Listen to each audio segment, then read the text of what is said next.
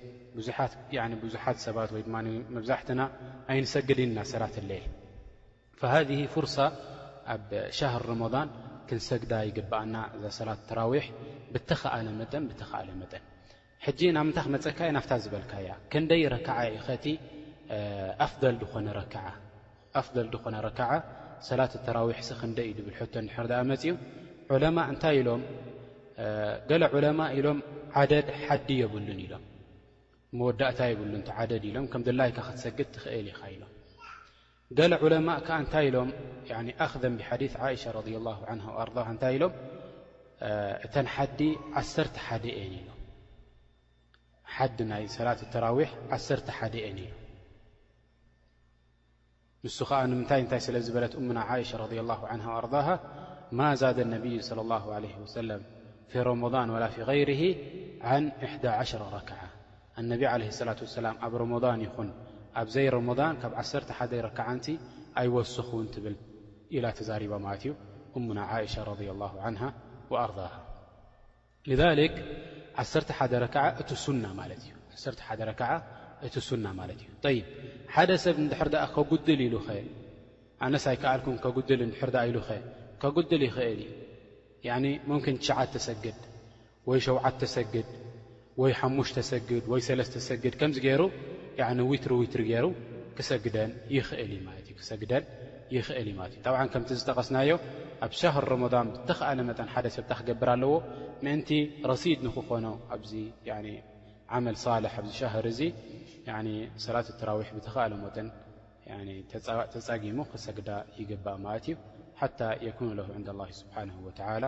ብዛሊካ ኣጅር ያኒ ናብ ረቢ ስብሓነሁ ወተዓላ ኣጅር ዝያዳ ምእንቲ ክህልዎ ጻዕሪ ክገብር ይግበኦ ማለት እዩ ወላሁ ተዓላ ኣዕለም።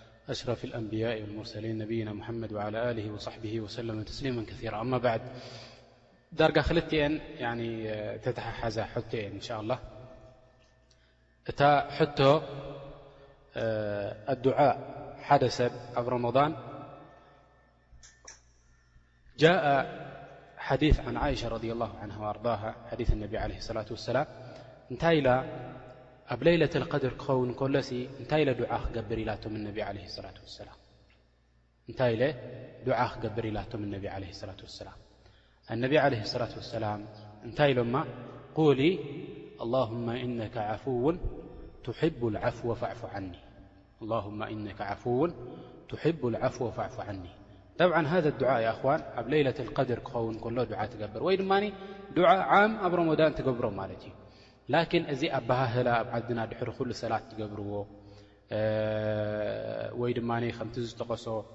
ኣዝካር ድብልዎ ድሕሪ ኩሉ ሰላት ሃذ ለም የርድ ን ነብይ صለ ላه ለ ወሰለም እዚ ኣነቢ ዓለ ስላት ወሰላም ኣይገበርዎን ወከሊከ ኣሰሓባ ብድሕሪኦም እውን ኣይገበርዎን ሊክ እዚ ካብ ሱና ወይ ድማ ካብቲ ሱና ኣይኮነን ማለት እዩ ድሕሪ ሰላት ከምዚ ዝጠቐስካዮ ዚክሪ ምግባር ላኪን እታ ዚክሪ ኣላሁማ ኢነከ ዓፉውን ቱሒቡ ልዓፍወ ፋዕፉ ዓኒ ትብል ዱዓ ንሳ እንታይ ትገብር ማለት እዩ ያኒ ኣብ ሱጁድካ ኮይኑ ወይ ለይቲ ክትሰግድ እንኮለኻ ኮይኑ ወይ ኣብ ዊትሪ ክትሰግድ እንኮለኻ ኣብ ቕኑት ክትገብር እንኮለኻ እንተበልካያ ያኒ ዝበለጸ ይኸውን ከሊካ ኣብቲ ለይለት ልቀድር ትርከበሉ እዋን እውን ኣዋኽር ያኒ ሻህር ሮሞዳን ኣብኡ እውን ዝያዳ እንተብዛሕካያ ያኒ ዝበለጸ ይኸውን ማለት እዩ ጠብዓን ናይቲ ሓውና እንታይ ኢልካ ዱዓእ ትገብር ዝበሎ እውን ንሳ እያ ማለት እዩ። እዛ ዱዓእ እዚኣ ኣላሁመ ኢነከ ዓፉውን ቱሒቡል ዓፍወ ፋዕፉ ዓኒ እዚኣ ካብቲ ሱና ዝመጸና ማለት እዩ ኣብ ሮሞዳን ትግበር ዱዓእ ያዕኒ ኣብ ኩሉ ዓም ዱዓእ ማለት እዩ ወከዛሊካ ለይለተል ቀድር ክደልይ እንከሎ ዝገብሮ ዱዓእ ሓደ ሰብ ማለት እዩ ለይለተል ቀድር ክደልይ እንከሎ ዝገብሮ ዱዓእ ሓደ ሰብ ማለት እዩ። ኣማ በቅየት ያዕኒ ኣድዕያ ኩሉ ዓይነት ዱዓእ ክትገብር ትኸእል ኢኻ ናይ ኣዱንያ ይኹን ናይ ኣኼራ ኩሉ ዓይነት ዱዓእ። ክትገብር ትኽእል ኢኻ ማለት እዩ ወላሁ ተዓላ ኣዕለም። ሕቶ ቁጽሪ ኣርባዕተ፣ ኣብ ጊዘ ሮሞዳን ናብ ጊዘ ፍጡር እንዳፍጠርካ እንኮለኻ ናይ ግድን ነዲኡ እቲ ዱዓ ክትገብሮ ዘለካ ቅድሚ ፍጡር ዝብሃል ዱዓ እቲ ኣብርሃልና ባረከላሁ ፊክ። ጠብዓን ከምዚ ዝበልካዮ እቲ ዚክሪ ክትበልዕ እንኮለኻ ትገብሮ ድዓ እዚ ምነ ሱና እዩ ማለት እዩ ድሕር ድኣ ሓደ ሰብ ረሲዕዎ ወላ ሓንቲ ድሕር ድኣ ደይበሎ ኣህምሸይ እንታይ ክትርስዐ የብልካን እታ ዝጠቐስናዮ ማለት እታ እታ ዝጠቐስካያ ማለት እዩ ዝተኸኣ ብስሚላ ብስሚላ ሓደ ሰብ ክርስዕ ኣይግብኦን እንድሕር ድኣ ረሲዕዋ እታ ብስሚላ ድማ እንታይ ይብል ምስ በልዐ ኣብ መንጎ እንድሕር ድኣ ዘኪርዋ እንታይ ይብል ብስሚላሂ ኣወልሁ ወኣኪርሁ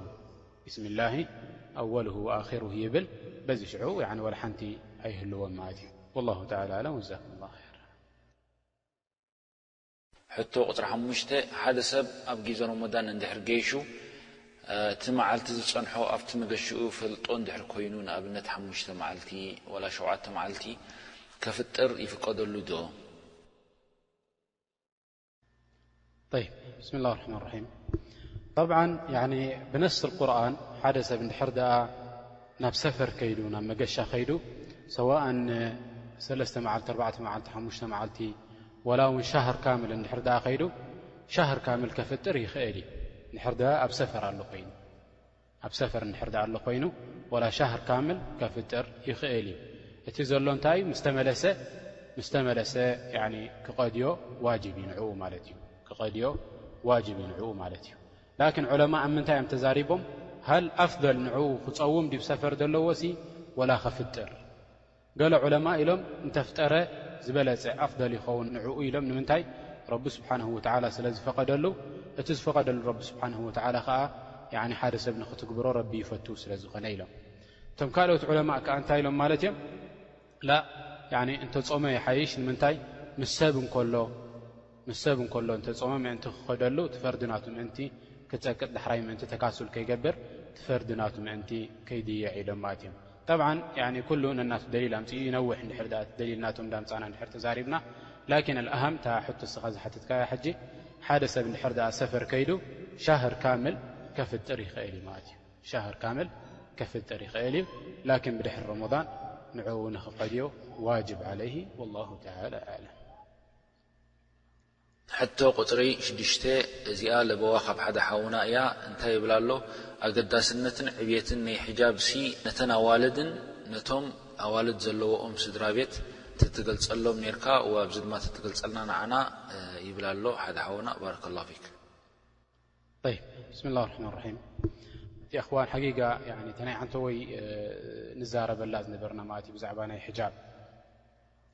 ጠብዐን ያኽዋን ኣልሕጃብ ፈርድ ረቢ ስብሓነሁ ወተዓላ ልክዕ ከምዛ ሰላት ፈርድ ዝገበረልና ከምኡውን ስያም ፈርድ ዝገበረልና ሓጅ ፈርድ ዝገበረልና ዘካት ሓቕፉ ፈርድ ዝገበረልና ልክዕ ከዛሊካ እታ ሕጃብ ድማ ፈርድ ገይርዋ እዩ ረቢ ስብሓነሁ ወተዓላ ልዛሊካ ደቂ ኣንስትዮ ልክዕ ከምታ ንሰላት ብፈርድ ኢለን ተቐቢለናኣ ዘለዋ ነታ ሕጃብ ድማ ብፈርድ ኢለን ክቐበላኣ ዋጅብ ንዓኣትን እቶም ኣቦታት እቶም ኣዴታት እንታይ ክገብረው ይግብኦም ንደቆም ኣብ ሕጃብ ክርብይዎም ይግባእ ኣብ ሕጃብ ክርብይዎም ይግባእ ጠብዓ የኣኽዋን ያኒ ኣነቢ ዓለ ሰላት ወሰላም ከምቲ ዝጠቐስናዮ ኣብቲ ዝሓለፈ ድሩስ እንታይ ኢሎምና ሓደ ሰብ ረቢ ስብሓንሁ ወትዓላ እንድሕር ድኣ በዘን ኣዋልድ እዚኣተን እንድሕር ድኣ ኣብተልይዎ እንድሕር ድኣ ንረቢ ስብሓንሁ ወትዓላ ኣዋልድ እንድሕር ድኣ ሂብዎ እዘን ኣዋልድ እዚኣተን እንድሕር ድኣ ከምቲ ሸርዒ ድፈቕዶ ጌይርካ ኣዕቢኻየን እንድሕር ደኣ ክሳብ ካባኻ ድወጻ በቲ ሸርዒ መንገዲ ዘለዎ ጌርካ እንድሕር ደኣ ንዘን ሰባት እዚኣተን ረቢኻየን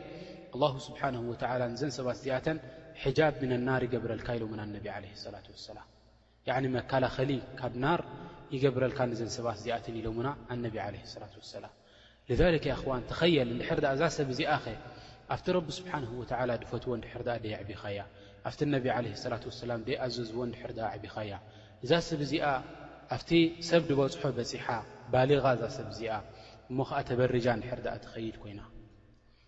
ሕጃብ ከይገበረት እንድሕር ድኣ ትኸይድ ኮይና ድኾነ ሰብ ንዓኣ ርእዩ ኣብ ፊትና ድወድቕ ንዓኣ ርእዩ ኣብ ሓራም ድወድቕ እቲ ዘንቢ ናቱ መን እያ ትስከሞ ማለት እዛ ሰብ እዚኣ እያ እትስከሞ ብታሊ ከዛሊካ እንታይ ክኸውን እዩ ማለት እዩ እቲ ንዓኣ ዝረበያ ኣብዚ ጠባይ እዚ እቲ ንዓኣ ዝረበያ ሕጃብ ኣይትፈልጥ ትገበራ ንኽትሽፈን ደይረበያ ሰብ እዚ ሰብ እዚ ከዛሊካ ረቢ ስብሓንሁ ወተዓላ ንዕኡ እንታይ ክገብሮ እዩ ክዓቕቦ እዩ ወይ ድማ ክቐፅዖ እዩ ንዚ ሰብ እዚ ማለት እዩ ንምንታይ ነዛ ሰብ እዚኣ ያዕኒ መንገዲ ናይ ረቢ ስብሓንሁ ወተዓላ ኣየፍለጣን መንገዲ ናይ ረቢ ስብሓንሁ ወተዓላ ኣየፍለጣን ፍብታሊ ኣላሁ ስብሓንሁ ወተዓላ እዛ ኣማና ሂብዎ ዘሎ እዛ ሰብ እዚኣ እዛ ተቐቢልዋ ዘሎ እዛ ውላዱ ትኹን ወይ እዛ ሰበይቱ ትኹን እዚኣተን ኣማና እየን፣ ኣላሁ ስብሓነሁ ወተዓላ ኸኣ ናይዚ ኣማና እዚኣ እንታይ ክገብሮ እዩ? ክሓቶ እዩ ንዚ ሰብ እዚ፣ እንድሕር ደኣ ኣብኣ ቀሲሩ፣ ኣላሁ ስብሓነሁ ወተዓላ ሩበማ እየሽ ንዚ ሰብ እዚ በዚ ተቕሲር ናቱ ይቐጽዖ ማለት እዩ። ፈቢታሊ ኣልዋሕድ ያዕኒ የተቒ ላህ ዐዘ ወጀል ያ እኽዋን። ሕጃብ ሸርዒ እቲ ሸርዒ ዝኾነ ሕጃብ ንዘን ደቂ ኣንስትዮ እዚኣተን ክሕጅበን ይግባእ። ፈከይፍ ያዕኒ ኣልዋሕድ የርዳ ያ እኽዋን ስብሓነላህ ኣብ ግዜ ኣነቢ ዓለይሂ ሰላቱ ወሰላም፣ ግዜ ነቢ ዓለይሂ ሰላም ሓደ ሰሓቢ ካብ ኣንሳር ሰበይቱ ተመርዒዋ ሓዳሽ መርዓት ንገዛ እንዳመጸ እንከሎ እንታይ ረኺብዋ ኣብ ኣፍደገ ኮፍ ኢላ ረኺብዋ ኣብ ኣፍደገ ኮፍ ኢላ ምስ ረኸባ ጠብዓን ኣብ ኣፍደገ ኮፍ ኢላ ክረኽባ እንከሎ እዚ ሰብ እዚ ከምቲ ረቢ ስብሓነሁ ወተዓላ ዝኣመሮ እያ ኮፍ ኢላ ዘላ እዛ ሰብ እዚኣ ማለት እዩ ሕጃባ ጌራ ከምቲ ናይ ሙእሚኒን ጠባይ ጌራ እያ ኣብ ኣፍደገ ኮፍ ኢላ ዘላ ላኪን ኣብ ኣፍደገ ኮፍ ምባላ እዚ ሰብ እዚ ኣብ ልቡ ሕማም ኣትይዎ ኩናት ናቱ ልዒሉ ብኡ ገይሩ ክስንጥቃ ደልዩ እዛ ሰብ እዚኣ ወይ ክቐትላ ደልዩ እዛ ሰብ እዚኣ እንታይ ኢላቶ ኣይተቕተለኒ ሓንሳብ ፅናሕ ቅድም እንታይ ግበር ኢላቶ ገዛ ቅድም እተው ኢላቶ ገዛ ቅድም እተው ኢላቶ ገዛ ምስ ኣተወ እንታይ ረኺቡ ቲ ገዛ ተመን ረኺቡ ንዚ ተመን እዚ ምስ ቀተሎ ጠብዓ ብድሕሪ ምቕታል ንዝተመን እዚ ሞይቱ እቲ ሰብኣይቲ ድማ ዝኾነ ነገር መፅያ ሃሪምዎ ሞይቱ ማለት እዩ ፈነቢ ዓለይሂ ሰላቱ ወሰላም ብድሕሪኡ ነጊሮም እንታይ ኢሎም? ድሕር ደኣ ገዛ ኣቲኹም ድሕር ደኣ ተመን ረኺብኩም እንታይ ግበሩ ንዚ ተመንዚ ሰለስተ ግዜ በልዎ ያዕኒ እዚ እንዳ ሙእሚኒን ገዛ እዩ ካብዚ ገዛ ውጻእ በልዎ ሙምኪን እንታይ ክኸውን ይኽእል እዩ ጅኒ ክኸውን ይኽእል ኢሎም ኣነቢ ዓለይሂ ሰላቱ ወሰላም ምሂሮምና ማለት እዮም ፈንታይ ኮይኑ ጸኒሑ ጅኒ ኮይኑ ጸኒሑ ፈዛ ሰብ እዚኣ ካብኡ ፈሪሓ ብ ኣፍ ደገ ብምውጻኣ ክቐትላ ድልዩ ሰብኣያ ሃዛ ያኒ ስብሓን ኣላ ጠሪቀ ልሙእምኒን ከመይ ነይሩ ያኣኽዋን ረኣይዎ ኣፍ ደገ ገዛ ንኽትወፅእ ጓል ንስተይቲ ኣይፈቕዱላን ነይሮም ጠይብ ሕጂ ንብልን ኢና ንሕና ግዜ ዘምፅኦ ሙምኪን ሕጂ ብዚ እዋን እዚ እንታይ ኮይኑ ማለት እዩ ያኒ ጓል ንስተይቲ ደገ ትወፅእ ከም ሰብኣይ ሰሪሓ ትኣቱ ንገዝኣ ከምኡ እውን ተማሂራ ትመፅእ ንገዝኣ ጠይብ እዚ ኩሉ ነገር ረቢ ስብሓንሁ ወትዓላ ድሸርዓላ ንኽትመሃር ንኽትሰርሕ ድፈቐደላ ረቢ ስብሓንሁ ወትዓላ ካብኡ ኣይትከልከል ንበላ ድሓንማ ሙሽኪላ ላኪን ክትወፅእ እንኮላ ከምቲ ረቢ ስብሓንሁ ወተዓላ ድኣዘዛ ከምኡ ገይራ ክትወፅእ ይግባእ እዛ ሰብ እዚኣ ያኒ ኣነቢ ዓለ ሰላት ወሰላም ክዛረቡና እንከለዉ ንደቂ ተባዓትዮ ዝኸፍአ ፊትና ብድሕረይ ገዲፈሎም ዘለኹ ደቂ ኣንስትዮ እዮም ኢሎም ኣነቢ ዓለ ሰላት ወሰላም ፈማ ባለክ እዛ ሰበይቲ እዚኣ ክትወፅእ እንኮላ እሞ ኸዓ ኣቦኣ ሓይ እንከሎ ወይ ሰብኣያ ሓይ እንከሎ ወይ ሓዋ ሓይ እንከሎ እንዳ ረኣያ እንከሎ እዛ ሰብ እዚኣ ተተበረጅ ኣማመ ልኸልቅ ወኩሎም ሰባት ንዓኣ ርእዮም ኣብ ፊትና ክኣትዉ እንከለዉ ንኹሎም ሰባት ንዓኣ ርእዮም ኣብ ሓራም ክወድቁ እንከለዉ መን ክስከሞ እዩ እቲ ዘንቢ ማለት እዩ ያ እኽዋን ሃዚህ ሙፍሲዳ ፊል ኣርዲ እያ ትኸውን ዘላ ማለት እዩ እታ ውላድ ናትካ እታ ቅንጣብ ናትካ ሙፍሲዳ ፊል ኣርዲ ትኸውን ኣላ ማለት እዩ ፈከይፈ ተርዳ ኣን ተኩን ያኒ ካባኻ ድወጸት ናትካ ቅንጣብ ስጋ ናትካ ላሕም ወሻሕም ናትካሲ ያኒ ሙፍሲዳ ፊል ኣርዲ ክትከውን ትፈቅድ ማለት እዩ ፈሃዛ ያኒ ኣምር ዓዚም ያ እኽዋን ኣምር ዓዚም ልክዕ ከምቲ ዝበሎ ሓውና ኣብቲ ክሓትት እንከሎ ያኒ ዓብይ እዩ ከቢድ እቲ ነገር እንድሕር ድኣ ኣብኡ ደይተረብዮም ንኽሰምዑና ኣይክእሉን እዮም ዝብል ዘረባ ሓቂ እዩ እዚ ነገር እዚ ላኪን ኣይሰምዑንን ማለት ዋጅብካ ወዲቑ ማለት ኣይኮነን ንምንታይ ኣብቲ ዝሓለፈ ብንእሽቲኦም እንከለዉ ተፍሪቕ ስለ ዝገበርካ ንስኻ ምስ ዓበዩ ክሰምዑኻ ኣይከኣሉን ማዳም ምስ ዓበዩ ንስኻ ከኣ ረቢ ስብሓንሁ ወተዓላ ኣብ መንገዲ መሊሱካ ረቢ ስብሓንሁ ወተዓላ ያዕኒ ቅኑዕ መንገዲ ኣርእዩካ እንታይ ክትገብር ይግብኣካ ማለት እዩ ብዝተኻኣለካ መጠን ጻዕሪ ክትገብር ይግብኣካ ከምቲ ዝጠቐስናዮ ኣብቲ ዝሓለፈ ድሩስ ናትና ኣነቢ ዓለይሂ ሰላት ወሰላም ንሓወቦኦም ኣቡ ጣልብ ክሳብ ኣፍ ደገ ሞት እንታይ ገይሮሞ ማለት እዮም ዳዕዋ ገይሮምሉ ንዓስልም ንዓስልም እንዳበሉ ዳዕዋ ገይሮምሉ ነቢ ዓለይሂ ሰላት ወሰላም ፈማ ባለክ እዛ ሰብ እዚኣ ሙእሚና እያ